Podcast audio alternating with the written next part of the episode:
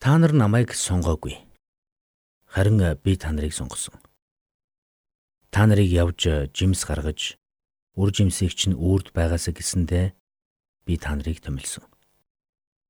Ингэснээр нэрээр минь та нар эцгээс юу ч гуйсан тэр та нарт өгөх юм. Йохан 15-ын 16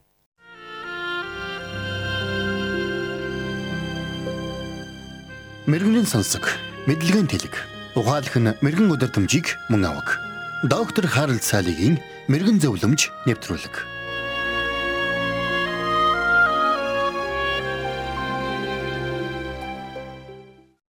Энэтхэгийн үндэсний цөөнх болох Хамаараа өвгийн нэгэн тусганд амьдардаг Чавнга бүдэт Уэлс гэдгээр Ватикийн Робертстай уулзснаар түүний амьдрал өөрчлөгдсөн юм. 1910 онд Роберт Энэтхэгийн хамаарачуудын амьдардаг уулархаг нутагт 5 өдрийг өнгөрүүлсэн нь Чавнгагийн ирээдүйг бүхлээр нь өөрчлөх үйл явдал болжээ. Намуухан дуу хоолойтой Робертс Чавнгад Есүс Христийн тухай ярьж өгснөөр Чавнга Есүс Христийг даган амьдрахаар шийдсэн байна. Гэвч энэ шийдвэрийнхээ төлөө тэр маш том төлөөсийг төлөх ёстой болжээ. Тосгоных нь түүнийг харин шашин шүтлээ хэмээн буруутгаж тосгоноос нь хөөсөн байна. Итгэлийнхээ улмаас төрсөн нутагтаа амьдрах боломжгүй болсон чавнга хүүтэй болохдоо хүүгээ хожим нь уншиж бичиж зураад төрлөх хмаравчдын амьдардаг уулархаг нутагт нь иргэн очиж тэнд Библи заахын төлөө бурханд хандан чин сэтгэлээсээ залбирсан гэдэг. Чавнгагийн хүү Рочунга үлгэр жишэхүү болж өсжээ. Тэрээр 10 настайдаа аавыгаа даган Христэд итгэгч болсон байна. Тэрээр шал угааж, түлээ хагалж, олсон мөнгөөрөө төлбөрөө төлөн явсаар ахлах сургуулаад үргэжээ.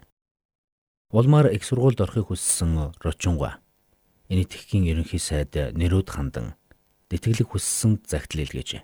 Түүний итгэл найдварч талар болсонгүй. Рочунга хүү энэтхэгийн засгийн газрын зүгээс үндэсний цөөнхөд олгосон анхны тэтгэлгийн эзэн болжээ. Ийхүү их сургуульд сурч эхлэх үедээ тэр аавынхаа мөрөөдлийн талаар бодож эхэлсэн байна. Тэрээр төрлөх хмар аялгад нийцүүлэн Библиэтэй болохыг мөрөөдөж эхэлсэн байна. Улмаар түүнийг их сургууль төгсөх үед хамаарчууд улс төрийн нам байгуулж түүнийг намын дараагаар томилжээ. Ингээд Рочунга улс төрийн карьер хөөж мөрөөдлөө мартах шахсан байна. Ингээд тэр цаашаа яхаа шийдэж ядан байтал аавд нь анх сайн мэдээ тарааж байсан Ватикийн Робертсоос илгээмж ирсэн байна. Ингээд Рочунга улс төрийн карьераа орхиж их сургуульд сурахаар Америк руу явжээ.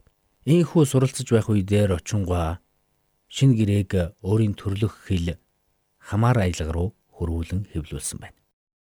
Сургуулаа төгсөөд Рочунга төрсөн нутагтаа иргэн ирж гэр бүлтэй болж нутагтаа дүүхэнжээ. Тэрээр нутагтаа нэгэн коллеж, 5 ахлах сургууль, 25 бага сургууль байгуулсан байна. Гэсэн ч тэр үүндээ сэтгэл хансангүй. Түүнийг нэгэн удаа Нью-Делигийн телефон утасны жигсаалтыг харж суутал түүнд энд бичигдсэн тоонуудыг уншиж чадаж байгаа бол тэр хүн Библи уншиж чадна гэсэн үг шүү дээ гэсэн бодол төрсөн байна. Улмаар тэр утасны жигсаалтыг худалдан авсан айл бүрийг биближүүлэх зориг бүхий Bibles for the World хөдөлгөөнийг өрнүүлсэн байна. Тэрээр энэхүү хөдөлгөөнийхөө хүрээнд 20 сая гаруй шин гэрээг дэлхийд даяар тараасан байна. Рочунго болон түүний багийнхан зөвхөн энэтхэгээр хязгаарлагдaltaгүй. Бангладеш, Бирм, Тайланд, мөн Пакистанд үйл ажиллагаа явуулах болсон байна. Одоо Рочунгогийн үүсгэн байгуулсан байгууллагыг түүний хүү Жон Бүдэт удирдах байна. Хамгийн анх түүний өвөөгийн амьдардаг байсан тосгон руу Уэльс Элгээлтийн эзэн Робертс шинэ гэрээний Йохан номын хуулбарыг энэ номд бичигдсэн зүйлсийг ойлгож мэдхийг хүссэн хүмүүсийг урьсан урлагтай хамт илгээж байсныг Джон дурсан ярьсан байдаг. Эндээс эхлэлтэй гинжин үйл явдлууд өрнөсөөр. Бурхан миний аавын, миний өвөөгийн, бас миний ард түмний амьдралд гайхамшигтай түүхээ битсээр ирсэн билээ хэмээн дурсан ирсэн юм. Рожонго бүдэт өөрийн ололт амжилтыг өндөр боловсролтойгоо булсан. Харин Есүс Христэд итгэх итгэлтэйгээ холбож тайлбарласан байдаг. Энэ хүний алсын хараагаар дамжуулаад сая сая хүн Есүс Христээр дамжуулан илчлэгдсэн Бурхны агуу хайрын тухай олж сонссон юм.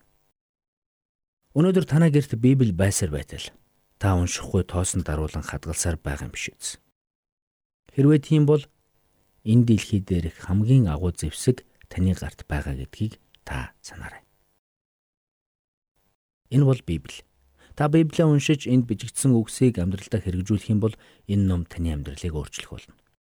Тэр цагт рочонго бүдэтийн амьдрал тохиолдсон шиг гайхалтай зүйлс таны амьдралд ч бас тохиолдох болно.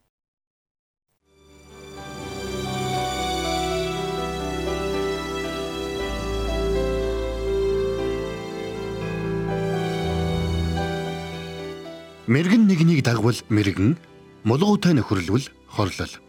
Доктор Харалт Салигийн мэрэгэн зөвлөмж нэвтрүүлгийг танд хүргэлээ.